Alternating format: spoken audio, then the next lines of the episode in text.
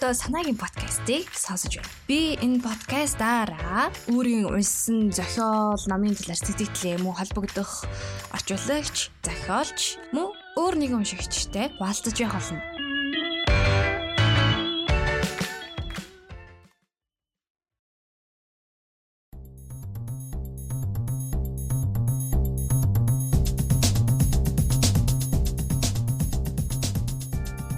За сайн байцгаана сонсогчдоо санаа байна.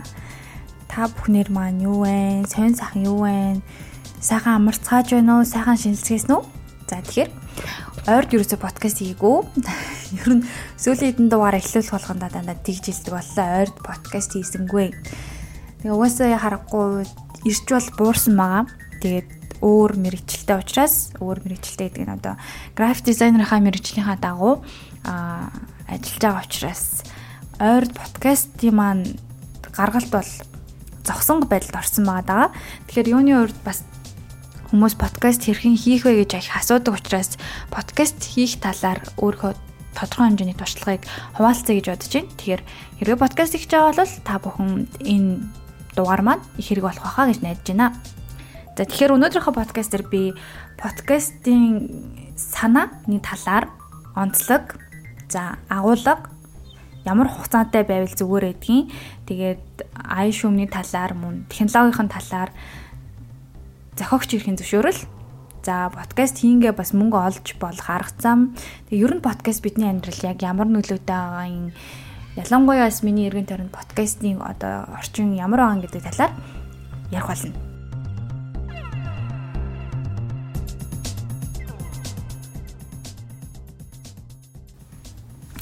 За тэгэхээр подкастын санаа гэдэг бол ямар ч контент хийнэ гэсэн санаа бол маш чухал.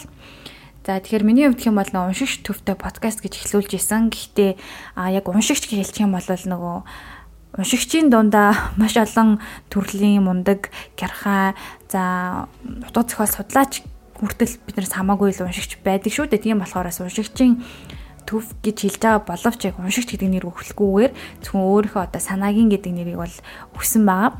Нэгсэндээ хүмүүс бас айхтар хүлээлт үүсэхгүй нөгөө талаараа өөрийнхөө ертөнцийг танилцуулах, бодол санаагаа илэрхийлэх нэг иймэрхүү зорилготойгоор санаагийн подкаст гэд нэрлэлсэн. А тэгэхээр санаа маань одоо нэртэйгээ бас холбоотой байл их зүгээр шууд одоо харагддаг байвал их зүгээр гэх юм уу да. А ямар нь бол подкастын янз бүрийн санаанууд гарч болно Тэгээ подкаст гэдэг чинь ерөөхдөө ямар нэгэн мэдээлэл, ямар нэг их үүсвэр тэр нэг зүйлийг одоо илэрхийлэх хэлбэр видео гэдэг шиг л одоо бичвэр гэдэг шиг л подкаст гэдэг бол ерөөхдөө нөгөө бэлтгэл ажил жоохон шаардлагатай тиймэрхүү одоо нэг илэрхийлэл тэм зүйл байгаа даа юм л та. Тийм болохоор хүмүүс эхэндээ манай подкаструуд яах вэ дандаа ном ярьж яхаар дандаа нэг улс төр гэж яхаар одоо нэг ийм подкаст сонсох уу гэж нэг тэгж хэлдэг ч юм уу илэрхийл өөртөө илэрхийлж харагдсан л да. Гэтэ энэ дэр бол нэг жоохон шүүмжлэлтэй хэлэхэд гадаадын улс орнууд Европт ялангуяа маш олон төрлийн подкастууд гарч ийн.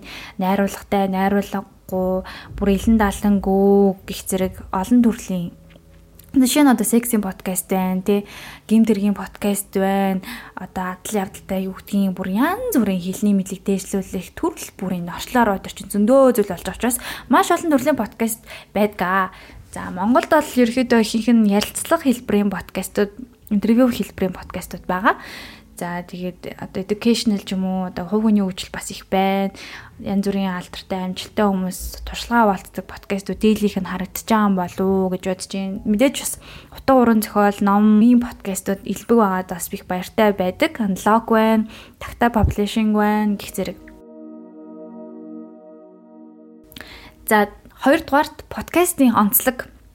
Тэгэхээр миний хувьд хэм бол одоо за эхний 10 хэдэн дугаараа номтой холбоотойгоор одоо өөрийнхөө ертөнц өөрийнхөө мэдлэгийн номоор яаж сэлбсэн туршлага аваалцаад явж исэн гэж хэлж байна. Тэр нь нэг төрлийн онцлог. А дээрэс нь би өөрөө бас яг тийм утга зохиолын мэрэгжлийн хүн биш те. Янз бүрийн тийм лаг одоо энэ бичвэр мэдээллийн мэрэгжлийн хүн биш хэрнээ зүгээр ягаад хүн хөгжиж байгаа процессыг хуваалцаж болдгоо юм бэ гэдэг утга санаа байгаа маань миний хувьд бас онцлог болоо гэж боддог. Намайг дэмждэг хүмүүс болон сонсогчд маань хэлэхдээ чамд ингээ подкастны чинь тийм өөрийн гэсэн онцлог байдгаа нэг тийм сүнстэй өөрийн гэсэн сүнстэй гэж хэлдэг байхгүй юу. Тэр нь бас надад их одоо миний яг юу юм болов л гэж бодсон. аа яг тэр зорьсон зүйл маань хүмүүст хүрч ийна гэж боддог. Тэгээд тэгж хилдэг хүмүүстэй, дэмждэг хүмүүстэй баш баярлаа гэдгийг бас хуваалцмаар байна. Дашрамд.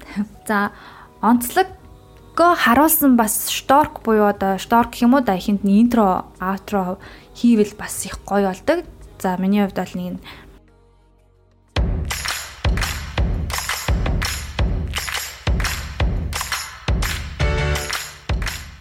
одоо санаагийн подкастыг сонсож байна. Би энэ подкастаараа өөрийн уншсан зохиол, номын талаар сэтгэлээ мөн холбогдох орчуулагч, зохиолч мөн өөр нэгэн уншигчтай хуваалцаж явах болно.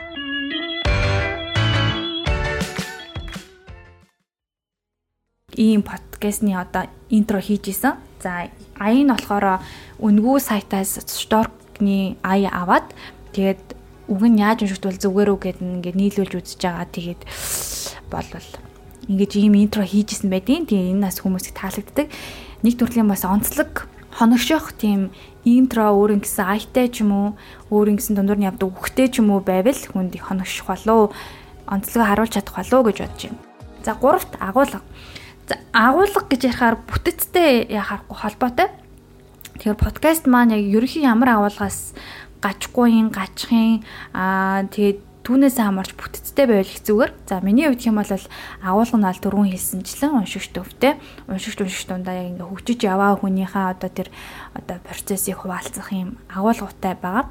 Тэр бүтц нь бас гарч ирэн л дээ. Жишээ нь би өөр ингэсэн бүтцтэй байхын тулд аа яг өөртөө таалагдсан гол нь те таалагдсан хамгийн гол надад таалагдсан энэ миний дүү одоо энэ номоор подкаст хийгээд өгөөч ээ гэдэг нь одоо хүсэл байлаа гэж бодох надад хамгийн гол нь эхлээд таалагдах надад айгүй нөлөөлөх хэрэгтэй байдаг. Энэ одоо миний одоо подкастерийн маань гол нэг тийм онцлогоос гадна бас агуулга нь ингэж явж байгаа болоо гэж боддог. Тэгээд агуулгаараа бол номын хэсгээс уншина. А мэдээж зохиолч байвал биш угаасаа зохиолч байх нь тодорхой. Зохиолчийг танилцуулна, өөр хэмжээнд судалснаа хаваалцсан, орчуулагч байвал орчуулагчтай бүр ярилцвал маш гоё идэг. Тэгээд орчуулагчийн дурдна, За тэгээ өөрөө ойлгосон зүйлийг одоо бас хуваалцах иймэрхүү бүтцтэй явдаг. Тэгэхээр дандаа ярилцлага гэхээс илүү бас хэсгээс нь оруулахыг их зорж хичээдэг байгаа. За аяны хувьд 4 5 дугаартай аяны хувьд гэх юм бол аяыг би голчлон одоо аль болох зохиогч ирэх зөрчихгүй хичээдэг. Гэтэ зарим тохиолдолд бол зөрчсөн явдал бол бий. За SoundCloud дээр ч юм уу маш гоё аянууд одоо байвал ардан залгадаг. Гэтэ аль болох description дээр дуртахыг хичээдэг шүү. Тэгээд хэрвээ бас одоо үнэхээр чадвал те подкаста яавал өөр ингэ сайтаа болохыг бас хүсэж яваа шүү. Тэгээд sound engineer бас хүмүүс байвал халбогдоорой гэх. Ямарч өөр ингэ сайтаа байвал бас гоё гэж боддог. Тэгээд аль болох бас тийм дөнгөж хийт олж байгаа дуу ашиглах ч юм уу те. Тиймэрхүү юмнаас л хоолох хичээдэг. Тэгээд э, саяхан нэг хүн надаас асуусан л да. Жохон бүдүүлэг асуусан. За тэгээд подкаст их ямар байна? Цогцчин ирэх зөрчөөд ай хоцчдаг гэж үнэн мөн үү гэж амар асуусан. За Гэтэ тэрийг бол зайлс хийх хичээдгий шүү. Гэтэ аль болох үнгүй ай маяа ямар нэгэн тийм бас commercial болсон ай ашиглахыг хүсдэггүй. Эргүүлээ нөгөө онцлогтой уягдаа тийм байдлахыг хүсдэг учраас аяны хувьд нэг тиймэрхүү байгаа. За 6 дугаар технологийн асуудал байгаа. Технологи. За тэгэхээр би одоо подкастыг хэрхэн хийж байгаа вэ гэхлээр гэртээ утсаараа 1 метрийн 2 салаалдаг юм микрофон утасны микрофон залгаад ярьж байгаа. За өмнө нь бас ярьж исэн баха эхний 11 2 дугаар бол гэрээ хажижиг өрөөнд хийжсэн. Өмнө нөгөө аав ээжтэй хамт амьдардаг бахта нөгөө өрөөндөө одоо миний өөрийн гэсэн өрөө гэсэн шүү дээ хаалгаа хаагаад шүн одоо хүн орж ирэхэргүй болон одоо би нэг гарах шаардлагагүй тийм цаг үеийг сонгоод буюу хөвчлэн шүн байдаг байсан. Тэгээд одоо хивстэй, шкафтай өөр байдаг учраас а шуумны хувьд нэг их айхтар орж ирдгүү байсан. Тэгээ өөрөө л уцаа оролдоод эсвэл микрофон руу илүү үлээчихгүй болвол миний одоо тиймэрхүү л сонсогддог байсан да.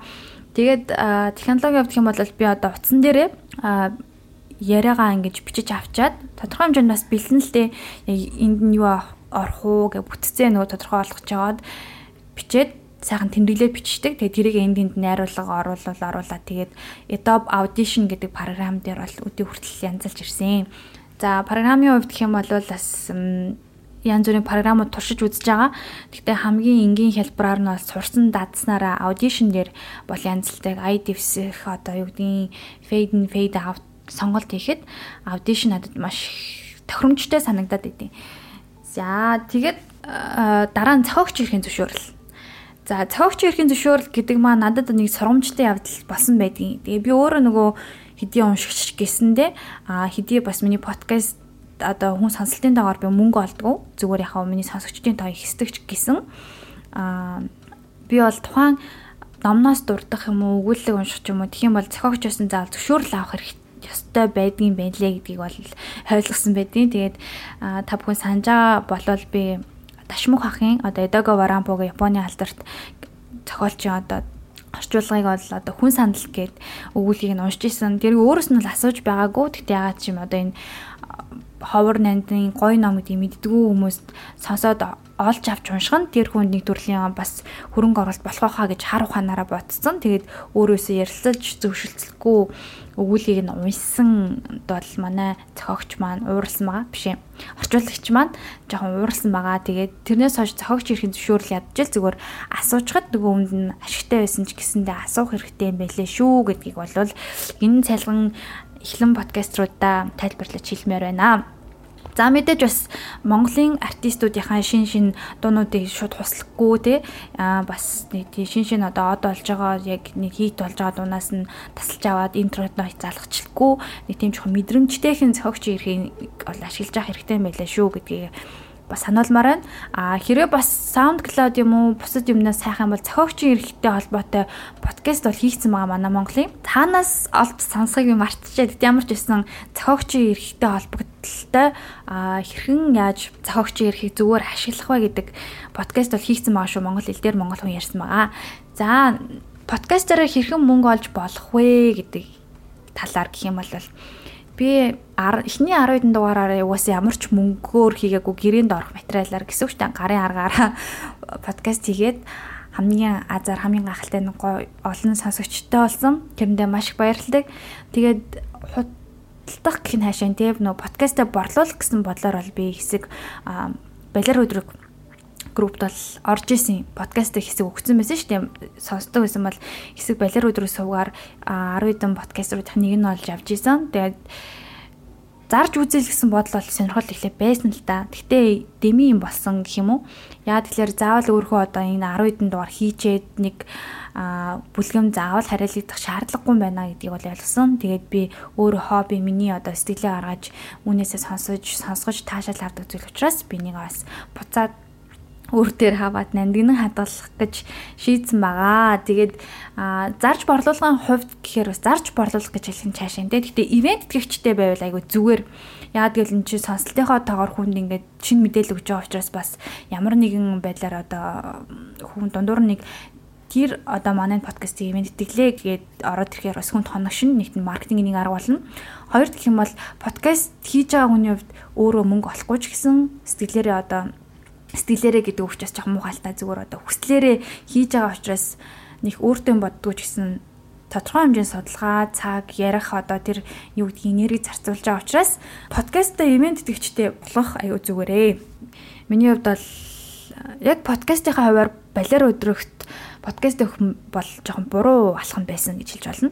А тэгтээ тэнд бол нөгөө нэг миний бас подкастаас өөр өөр бас шинэлэг хүүхний одоо хөгжлийн холбогдлолтой маш олон гой гой подкастууд байдаг. А гэхдээ миний нөгөө нэг онцлог маань арай биш байсан болохоор одоо зарим талаараа миний нөгөө сонсолт баян сонсдог байсан сонсолт байгаа шүү дээ статистикийн тэр маань их буурсан байдیں۔ Гэхдээ ямар ч байсан үнэн ч сонсогчд маань бол комент үлдээд хിവэрээ тэрэнд нь бас баярлаж байгаа.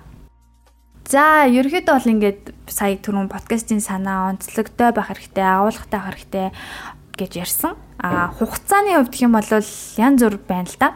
А тэг хүмүүс хугацааны хувьд янз бүр байдаг. Одоо сонсох нь бас янз бүр байдаг. За заримдаа нэгээс 2 цагийн подкаст харагдчихэл байдаг. Тэгээ хүмүүс одоо зарим хүмүүс Монгол подкаст үнэхээр сонсдгоо гэж хэлдэг. Тэгээ хувийн л одоо сонирхол шүү дээ. А заримдаа бол би аналогын подкастыг бол нэг цаг гарам хаарлаа төвлөрөөд ялангуяа ингээд зураг зураа сууж хатвал яг сонсдог байхгүй юу. Тэгээ маш нэг тийм удаан темптэй ярьдаг нь надаа ингээд завгүй сонсч чадахгүй юм шиг яг төвлөрөөд нэг гараараа хийж байгаа нэг тийм олон юм бодох шаардлагагүй юм хийж байгаа тохиолдолд нэгээс 2 цагийн подкаст асуудалгүй байдаг. Тэгээ мэдээж агуулгаас хамаарна тийм байгаа. Аа миний хувьд гэх юм бол ер нь нэг цаг хүргэхийг хүсдэг. Гэхдээ ярилцлага маш чухал байдаг учраас чинь би зохиолч өдөрсөгчтэй орчуулагч болортой хягчтай ярилцахдаа ярилцлага маань 2 цаг хүртэл үргэлжилсэн байсан. Тэгээ тэр дундаас танаад хасаад заримдаа одоо ингээд агуулгаасаа жоохон олцсон хэсгүүд ингээд бүр оруулахгүй ч юм уу ингээд шахсаар шахсаар нэг цаг руу арай гэж дөхүүлж одоо сонсогчтой хүргэдэг. Яа тэгэхээр маш олон агуулгыг зөвхөн хугацаанаас нь хамаараа тайлширчихгүй дээ гэдгээс болоод бас айгүй ингэж хичээдэг тийм байгаа. Тэгээд би өөрийнхөө ганцаар ярьж байгаа подкастн дээр өөрийнхөө одоо шүүл зайлгэлтж байдаг юм уу амьсгал авах гээд аль сул үгээ маш цэвэрлдэг байгаа шүү. Тэгээд аяанда ер нь яваанда сул үггүй ярих гэж бол хичээж байгаа. За хамгийн сүүлд подкаст бидний амьдрал За подкаст бол 2 миний бодлоор бол Монголд одоо монголчуудад маань 2 жилийн өмнөхөөс олид танигдаж хөгжиж явж байгаа болоо гэж боддог. Одоо маш олон гоё залуучуудын ялангуяа подкастад гардаг болсон. Аа бэлгийн амьдралын талаарх зөвлөгөө подкаст бүр влог байгаа. Тэгээ хүлээлгийн өрөө гэдээ та бүхэн сонсч ирсэн бол тэгээд чинь бас нууцлагдмал хэрний амьдрал нөлөөлдөг маш чухал сэдвийн талаар хүмүүс нээлттэйгээр ярьж эхэлж байна гэдэг чинь маш гоё. Ер нь бол подкаст гэдэг чинь янз бүрийн мэрэгжлийн хүмүүс өөрийнхөө туршлагын янз бүрийн зовлон жаргалаа хаваалцах боломжтой. Тэг хамгийн гол нь гоё нь одоо юу гэдгийг заавал тэр хүний одоо өмсөн зүйлснийг нь угаасаа харагдахгүй сонсож байгаа учраас тийм болохоор заримдаа ингээд нэг хүний нүдний хараа одоо шаардахгүйгээр зөвхөн сонсголын хэрэгтэн зориулаад маш олон мэдээлэл, маш олон санааг подкастаас авч болж байгаамаа. Тэгэхээр подкаст бидний амьдралд бол их хэрэгтэй. Ялангуяа тэгээ зүгээр л дэмий одоо тэ ашиггүй цагийг юм сонсонгоо хүний бүр ингээд туулсан туршлагыг одоо яриаг нь одоо чөлөөтэй сонсч болж байна гэдэг чинь бид нэр маш азтай цаг үед амьдарч байгаа гэсэн. Аа подкаст хийх бол би хүсэхдээ олон хүмүүс подкаст хийхээсээ магадгүй үнэхээр зав найдаг бол эмчнэр ч юм уу яг хүний одоо амьдрал дээр тулж ажилтдаг хүний зовлон жаргалыг хуваалцж магадгүй хүний юм авардаг хүмүүс подкаст хийдэг бол гэж боддог байхгүй юу. Ялангуяа одоо подкастер гэдэг бас тусгай мэрэгжил юм уу мэрэгшил ч юм уу одоо нэг төрлийн сэтгүүлч гэдэг шиг подкастер гэдэг мэрэгжил мэрэгсэн хүмүүс гардаг бол бас ямар гоё вэ гэж боддог. Тэр нь одоо юу гэдгийг яг салбар салбарын хүмүүс дээр очиод зовлон жаргал бэрхшээлийн югдыг хуваалцвал бид нийгмээ бас илүү сайн ойлгох ойлгож чадах ч юм билүү гэж бас их найддаг. Тийм болохоор Монголын подкастууд маш маш олон болох болтугай гэж хэлмээр байна. За тэгээд өнөөдрийнхөө подкастыг энэ хүргээд дуусгая. Подкаст хийх хүсэл тань улам нэмэгдсэн бол баяр үргээ баярлаа. Тэгээд миний өнөөдрийн подкастын зорилго бол тийм байла маш олон подкаст руу төрөөсэй гэдэг хүслээр ингэж подкаст хийсэн юм аа. За тэгээд дараагийн дугаартаа би өөрийнхөө туршлагаас блог хэрхэн бичих талаар ярих гэж бодож байна. Тэгээ би нэг бас нэг блогтай юм аа. Блог маань бас нэлийн идэвхтэй, нэлийн уншигчтай явж байгаа. Өөрийнхөө хувьд миний хувьд одоо тийм би өөр нь хүмүүстэй өөрийгөө нэг харьцуулах гэж хүсдэг юм аа. Followers энтрээс нэг харьцуулж боддгоо. Яг тэгвэл миний гаргаж байгаа цаг хугацаа янз бүр байгаа болохоор. За тэгээ олон зүйл нуршлахгүй бүгдээрээ сайхан амарцгаагаарэ. Тэгээд өнөөдрийг гой өнгөрүүлцгээгээрэй. Түр баяртай.